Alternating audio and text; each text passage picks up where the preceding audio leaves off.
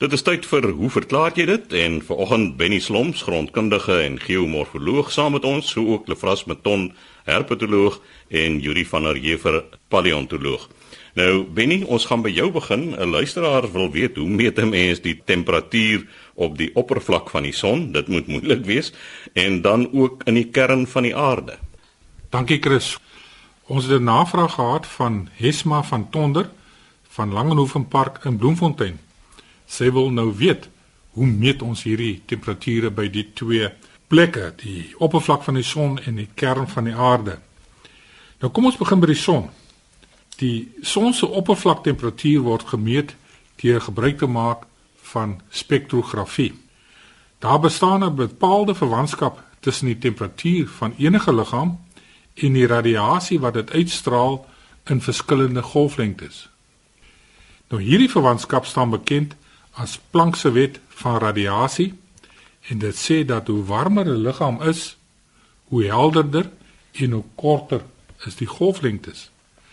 Nou deur hierdie golflengtes te meet met 'n spektrograaf, kan die temperatuur van die son bepaal word.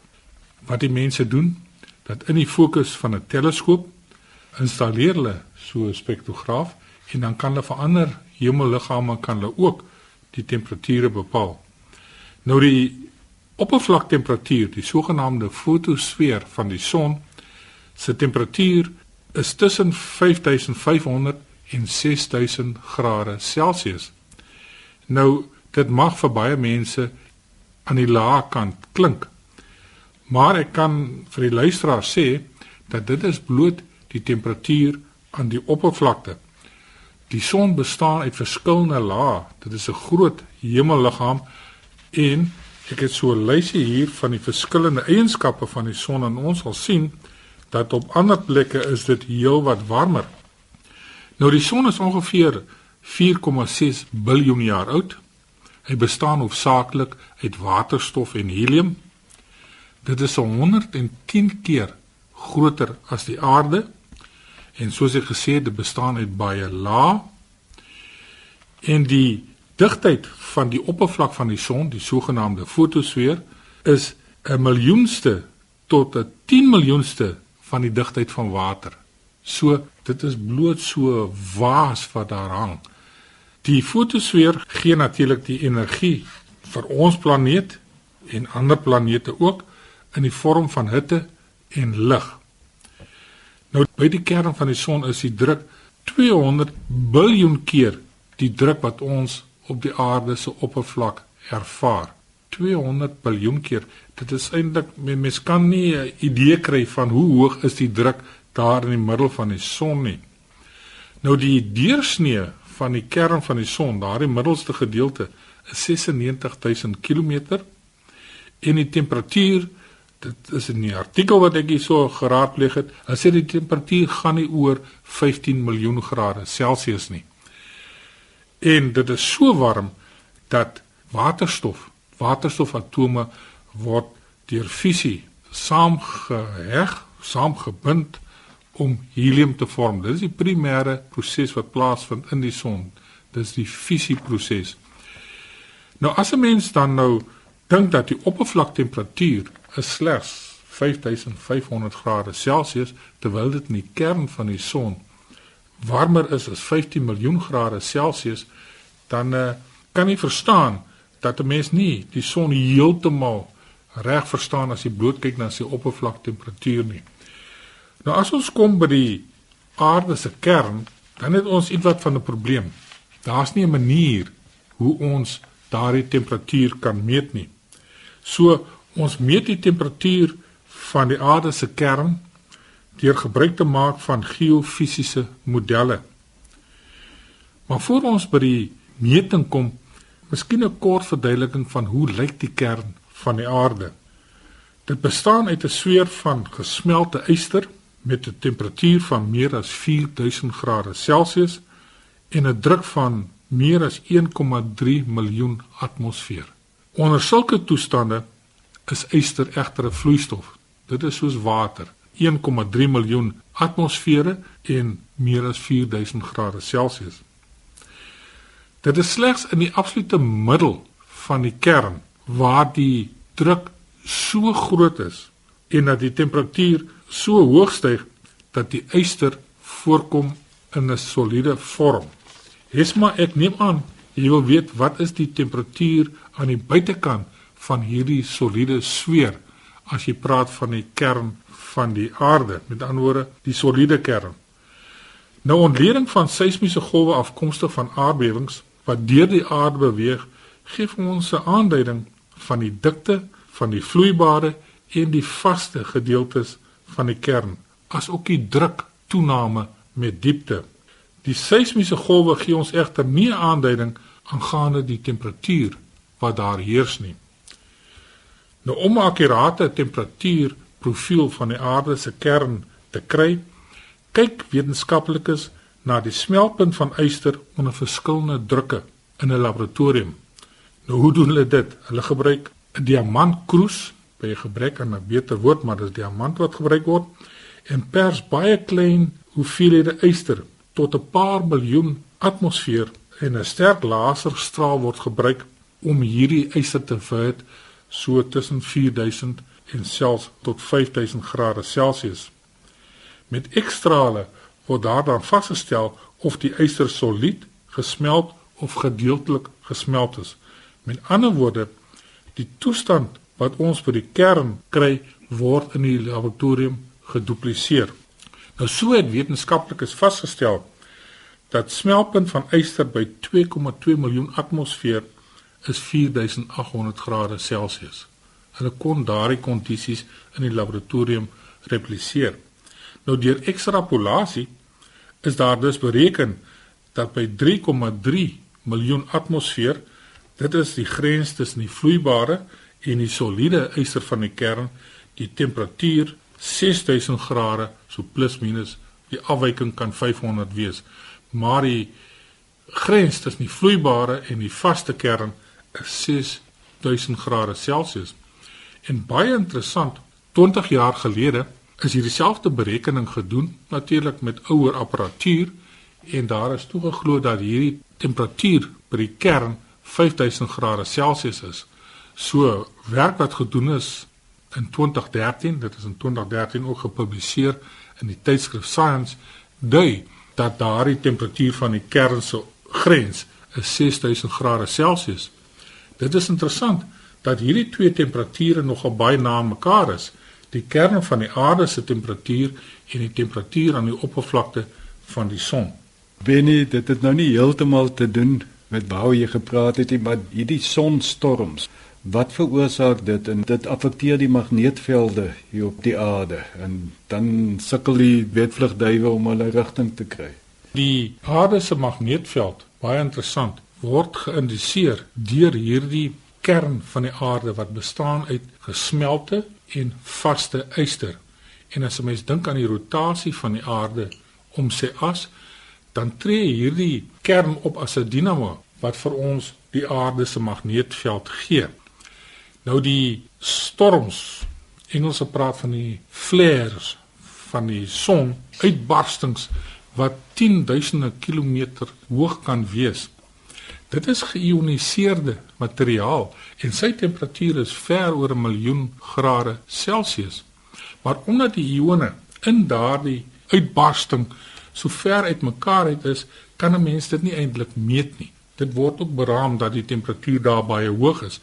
So ja, die magneetveld van die aarde word deur sy kern en sy eienskappe bepaal en dit word ook geaffekteer deur hierdie uitbarstings wat ons van tyd tot tyd by die son kry. Dit was dan Benny Sloms wat vir ons verduidelik het hoe meet 'n mens die temperatuur van die son se oppervlak en ook van die kern van die aarde. Hulle vras met ton ons herpetoloog. Jy het 'n vraag ontvang oor bokke se limfkliere.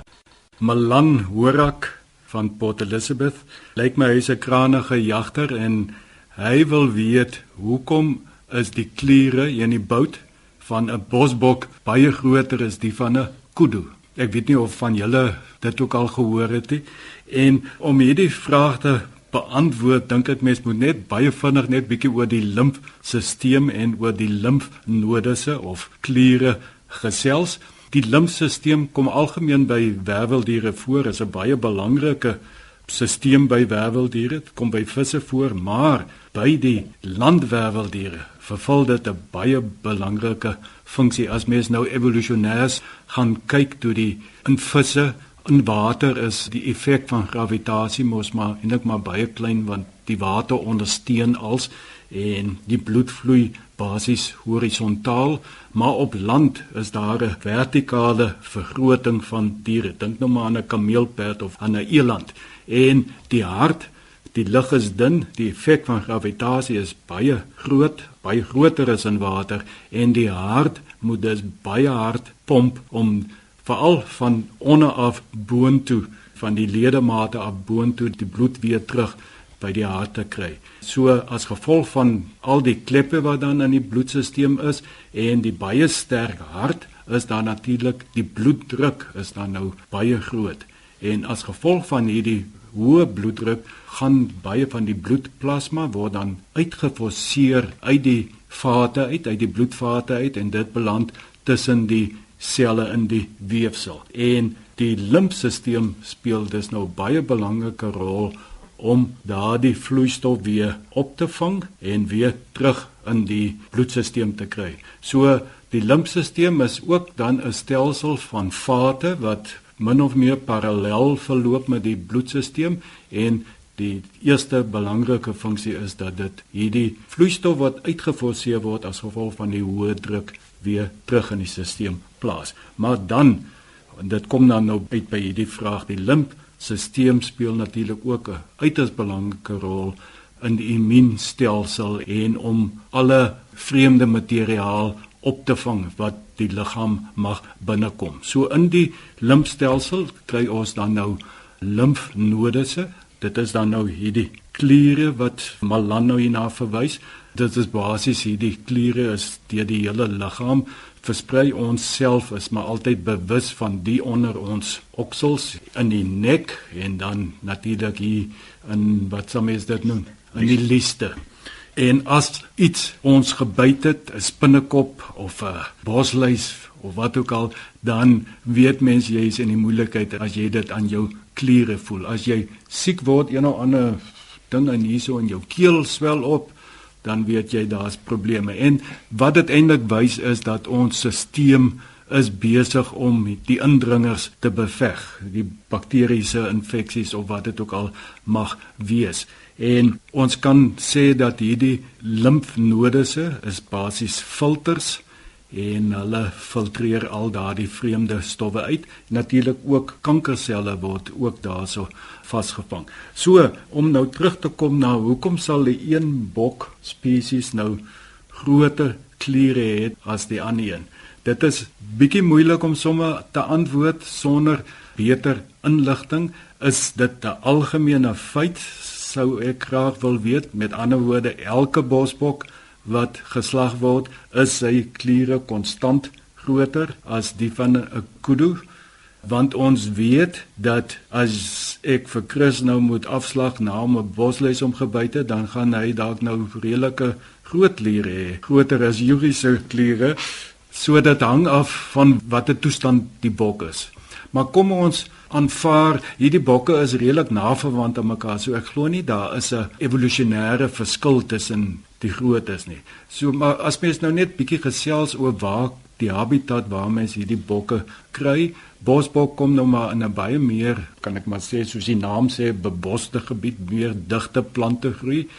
En kudu, ja, kudu hou ook maar so van die doringbome en goed, maar bietjie meer in die oopte as wat 'n bosbok is. So daar is die moontlikheid dat 'n bosbok dalk meer te doen het met bosluise en so meer en dat hy in 'n voortdurende stryd is om die bakteriese infeksies, die bosluis self is maar net dan 'n draer van die bakteries en dalk ook ander myte en goeie Ek weet nie dit sou ek dink dalk die rede wees vir die groot kliere by die bosbok. Maar nou ja, mens moet 'n bietjie navorsing doen, so ek sal dan nogal daarvan hou as die vriendekring daar van Malan wat jagters is, bietjie elke keer kyk. En is dit net ramme? Wanneer watter tyd? Wel dit is mos maar gewoonlik in die wintermaande nê wanneer is die paar tyd jy weet wanneer as die ramme bietjie moeilik raak en dan vergeet hulle om hulle self skoon te maak en dan mag hulle dalk 'n bietjie meer infeksies toon. Ja, hulle vra wat die paartyd betref, ek weet by springbokke en so is die lamtyd hier so aan die einde van die winter begin van die lente en ek neem aan dit is maar algemeen so. Nou dit hang af van die tydperk van dragtigheid hoe lank voor dit die paartyd gaan plaasvind. Sien man, dit pas mooi in. Mens sou dus wil weet, is dit by oeye ook? Is dit daar ook groter want as dit gaan oor bosluise en sulke goed, dan verwag jy geen verskil tussen die ramme en die ooi waarskynlik nie. Ja, so gesels hulle vras meton ons herpetoloog dan oor die limfkliere, maar voor die tyd Benny het ons so 'n bietjie gesels oor die kliere in die boude van bokke en skape. Nou terwyl ons nou daaroor gesels, daar's mense wat baie gesteld is daarop dat jy daardie klier moet uithaal. Nou jy kan miskien net vir ons 'n aanduiding gee waar die kliere aangetref word en hoekom moet hy uitgehaal word. Ja, Chris, mens haal nie die klier uit nadat jy hom gaar gemaak het nie. My vrou haal hom uit voordat hy gaar gemaak word. Jy moet weet waar om te soek. Hy sit omtrent in die middel van die bout. Jy moet langs die regte spiere moet jy ingaan en dan sit hy daar. As jy nie weet waar daardie klier sit sal jy die bout uitmekaar uitsny. En uh dan is dit 'n gemors. Jy moet weet hoe om in te gaan by die bout om by die klier uit te kom. Maar soos dit gaan deesdae om 'n heel skaapbout gaar te maak is absolute luukse. Ons sny maar nou die boude deesdae op in chops en dan uiteraard die slagter sny daardie bout vir jou op sonder om die klier eers uit te haal en dan moet jy hom maar verwyder daar waar hy stukkie vir stukkie in die verskillende chops sit. So jy kan hom nie miskyk nie. Hy word omring deur so 'n wit vetlaagie en die klier self het so 'n gryserige kleur, lafras, en hy kom maklik uit. Hoekom jy hom moet uithaal? Lafras die blote feit dat dit is nou soos 'n filter, nê, 'n vuil filter van 'n engine of 'n siffie. Daar mag bakterieë en ander gemors wees. Ek dink dit is maar die gedagte wat jy nie wil inkry nie.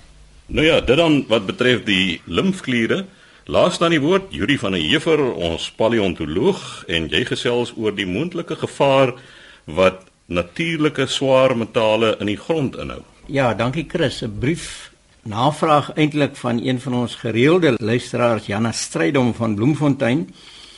En dit herinner my aan 'n ander gereelde luisteraar, sy naamgenoot Joey Strydom van Lindley wat ons baie lanklaas van gehoor het. So Joey, ek hoop jy luister en ek hoop dit gaan goed en stuur maar die vrae aan.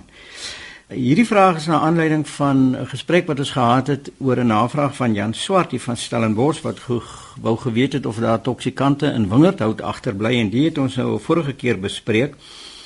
En ehm um, Janna wil nou weet wat van swaar metale wat natuurlik in die grond voorkom. Nou swaar metale is goed soos kadmium, kobalt, krom, koper, yster, mangaan, molibdeen, nikkel, lood en sink. En uh, die kry 'n mens doodgewoon in gronde wat van vulkaniese oorsprong af is en daar is plekke in die wêreld, byvoorbeeld in Italië wat nogal heelwat vulkane het en vulkane wat in die verlede uitgebars het sodat 'n mens vulkaniese gronde het waarin wingerd geplant word wat eintlik baie vrugbaar is. En die een voorbeeld wat ek wel opgespoor het, kom uit die suide van Turkye wat 'n besondere vulkaniese gebied is En die basiese aanname is dat wanneer jy plante plant op so 'n grond, dan sal die basiese chemiese samestelling van die grond verryk wees met swaar metale en dit sal gereflekteer word in die vlakke van hierdie metale in plante. Nou vulkaniese as kan vir baie baie lank bewaar bly potensieel vir miljoene jare en weer eens is die argument maar plante wat daarop groei kan dan die goed bevat. Dit kan potensieel gevaarlik wees en die vrees is dan dat vulkaniese grond vrugte en groente kan beïnvloed en besoedel en dit is bekend dat van hierdie metale karsinogenies is. Met ander woorde, dit kan kanker veroorsaak en daar's juis in die suide van Turkye is daar 'n hoër voorkoms, 'n hoër insidensie van kanker van die gastro-intestinale gedeelte van 'n mens se liggaam, met ander woorde die spysverteringskanaal en veral in die boonste gedeelte van die spysverteringskanaal. So dit is een van die dinge wat Janna miskien aangespoor het om uit te vind oor hierdie swaar metale. En dan is dit ook vir wetenskaplike doeleindes 'n goeie aanduiding van hoe besoedel die gronde is en nou om uit te vind hoeveel swaar metale is nou in die plante of aanwesig op enige gegee tyd. Dit hang saam met die klimaat watter soort klimaat 'n mens het. Dit hang saam met hoeveel swaar metale in die atmosfeer bestaan afgeset is. Die konsentrasie van die swaar metale die soort grond wat 'n mens het en hier kan Benny miskien help. En dan laastens die ouderdom van die plant. Watter stadium oes hierdie plant? Soos dit 'n jong plant is is die argument daar gaan miskien minder swaar metale in wees as wat jy die plant op 'n later datum oes nou daar is heelwat navorsing daaroor gedoen maar Janne dis 'n redelike komplekse storie hierdie want plante verskil ook self in die manier waarna hulle hierdie swaar metale opneem Jy kan toestande kry waar dit die konsentrasie hoog in die grond is, maar dit is laag in die plant. Of dit kan laag in die grond wees en dit word gekonsentreer in die plant. Of jy kan toestande kry waar die hoeveelheid swaar metale in die grond reflekteer eintlik die hoeveelheid swaar metale in die plant self. En dan kan daar nog 'n verskil wees. Die wortels en die blare en die stam kan die goed op 'n diferensiële manier opneem. So jy kan hoër konsentrasies in die wortels kry as in die blare byvoorbeeld. Nou mense dink dan dadelik daaraan dat as jy nou plante het waarvan basies die wortels geëet word en nie die blare nie, soos aardappels, dan kan dit nou ook 'n verskil maak. En dan iets wat mense mense seker nie aan dink nie. Ek het nie daaraan gedink nie tot ek nou hierin begin belangstel het is dat mense kan hierdie goed inkry as hulle grond eet. Want dwars oor die wêreld, sedert Egiptiese tye al eet mense grond en dit staan bekend as geofagie. Geos vir grond en fagie om te eet. Ons het dieselfde soort woord wanneer ons praat van 'n sarkofaag, so daai eertydse klip doodskiste wat liggame ingesit is en dat mense gesien maar die liggaam word verteer. Natuurlik verrot hy in die klip doodskis, maar die geloof was destyds dat dis die klip wat die vleis eet. So die naam sarkofaag daarvoor sarko vir spier en vaag vir eet het die naam sarkofaag vir hierdie klip doodskiste laat ontstaan. Nou geofagie is 'n snaakse ding dat daar's baie mense wat dit beoefen in Afrika, in Suid-Afrika, in die Oos-Kaap is daar 'n groot aanhang vir geofagie. Mense wat van die platteland af byvoorbeeld Johannesburg getrek en daar gaan werk is dan ontneem van hulle natuurlike bron van grond wat hulle inneem. Hulle sê swanger vrouens eet dit. Ek het 'n onderhoud gesien met 'n dame wat sê dat sy is verslaaf daaraan as sy nie gereeld haar grond kry om te eet nie, dan toon sy onttrekkingssimptome en sjokolade as 'n vervanging help nie. Dit is ook so by duwe as hulle kleintjies groot maak, seker maar dieselfde ding. Jesus, like jong dan mannetjies anyway, is dan eet hulle grond iets vir die vader. So daar is 'n iets 'n behoefte, iets wat hulle minerale of goed wat hulle uit die grond het kry. Yuri, ek kan ook daar uit persoonlike ondervinding byvoeg. My ma was in 'n stadium toe ek seker hier 5, 6 jaar oud was, redelik siek gewees en 'n tyd in die hospitaal en ek moes gereeld vir haar op die sandhoop 'n skoon stuk nat sand gaan haal en sy het vir geruime tyd sand geëet. Ja, dit is 'n ding wat algemeen voorkom blykbaar. Iets wat uitsonderlik is dat ek jare gelede van 'n vrou in Pretoria gehoor het wat 'n kompulsiewe eter was van ou buskaartjies. en ek kon dit nog nooit klein kry nie en sy het dit by die hande vol geëet. In elk geval, daar is egter Chris 'n uh, sinistere ding aan die gang in Johannesburg want daar is 'n gebrek aan die regte soort kleiagtige grond of dis moeilik om in die hande te kry vir mense wat wel grond eet. En wat hierdie verkopers nou doen is hulle gaan na die mynhope toe. En dan gebruik hulle die grond van die mynhoop wat in sulke pakkies opgemaak word. En ons weet almal wat se reste nog in die mynhope sit. Daar's blykbaar nog Iran in en dit word dan verkoop aan mense as die regte soort grond vir geofagie en iewers sal iemand iets daaraan moet doen Die swaar metale wat natuurlik ons baie sleg kan affekteer is kadmium, lood en kook want dit beïnvloed ons biochemies. Dit ontspoor heeltemal die biochemie in die liggaam. Lood is bekend daarvoor dat dit die brein aantas en dit is waarskynlik een van die hoofredes hoekom ons nie meer verf kan koop wat lood in het nie. Want as jy nou jou kind se hout bababed mooi met wit emalje verf geverf het in die ou dae en die ouetjie is nou groot genoeg dat hy kan regop staan in die bababed, dan begin hulle gewoonlik kou aan die rande en dit is dan met goeie rede hoekom ons nie meer lood toelaat nie. Nou Daar is daar 'n gerusstellende iets vir jou Janna is dat ons eintlik nie aktiewe vulkane meer het in Suid-Afrika nie. So ons het nie 'n baie groot hoeveelheid vulkaniese gronde nie. Die groot verskille wat tussen die konsentrasie in die grond en die plant bestaan, help natuurlik dat ons nie baie swaar metale natuurliker gewys inkry nie. Maar waar daar wel verhoogde vlakke in die plant bestaan en mens lewe in 'n samelewing wat staat maak op monokulture waar jy net mielies of net sorghum plant en die mense eet net dit kan dit tot komplikasies lei. So dis een van die redes hoekom ons eintlik moet 'n uh, gediversifiseerde dieet volg dat ons nie net op spesifieke kossoorte moet konsentreer nie. Ek het ook met uh, professor Sofie Reyneke gepraat, 'n oud kollega van my en hulle het eh, sy en haar man Koot het jare gelede 'n PhD student gehad met die naam van Dirk Ackerman. Hy was aanvanklik by natuurbewaring gewees en hulle was bekommerd oor die besoedeling van koper in die kreerwiltuin en die teses het gehandel oor die effek moontlike effek wat koper kan hê op die sperm van rooibokke in die Kreerwildtuin. Nou ons weet almal wat oud genoeg is toe ons nog destyds moes militêre opleiding ondergaan het, dan was jy baie bang vir kopersulfaat of blou fieterjoel wat dan kwansuis in jou koffie of tee gegooi is of ingedoen is om bietjie jou uh, seksuele temperament onder bedwang te bring. Nou um, ek het deur die proses gegaan en ek dink nie dit is gedoen nie.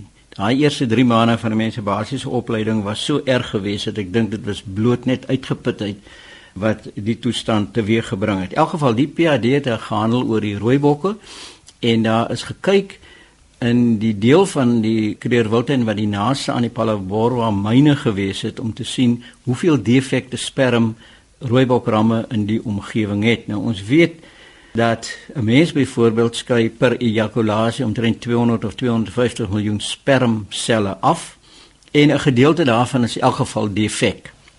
Maar die navorsing het getoon dat die kopervlakte op 'n manier gekorreleer kon word met defekte sperm alhoewel volgens uh, professor Reyneke daar nie uitsluitsel gewees het tot so groot mate dat dit definitief so gesê kon word nie. En daar is natuurlik nog geen skuld wat aan die myne toegeskryf word nie, maar dit gee vir mense 'n idee dat ons in 'n baie komplekse omgewing leef in die moderne tyd en in 'n mens jou oë moet oophou vir al hierdie goed. So Janna, ek dink op hierdie stadium kan jy nog gerus slaap. Daar het die tyd ons ongelukkig ingehaal, Juri van die Heever wat dan verduidelik het van die gevaar van swaar metale in die grond.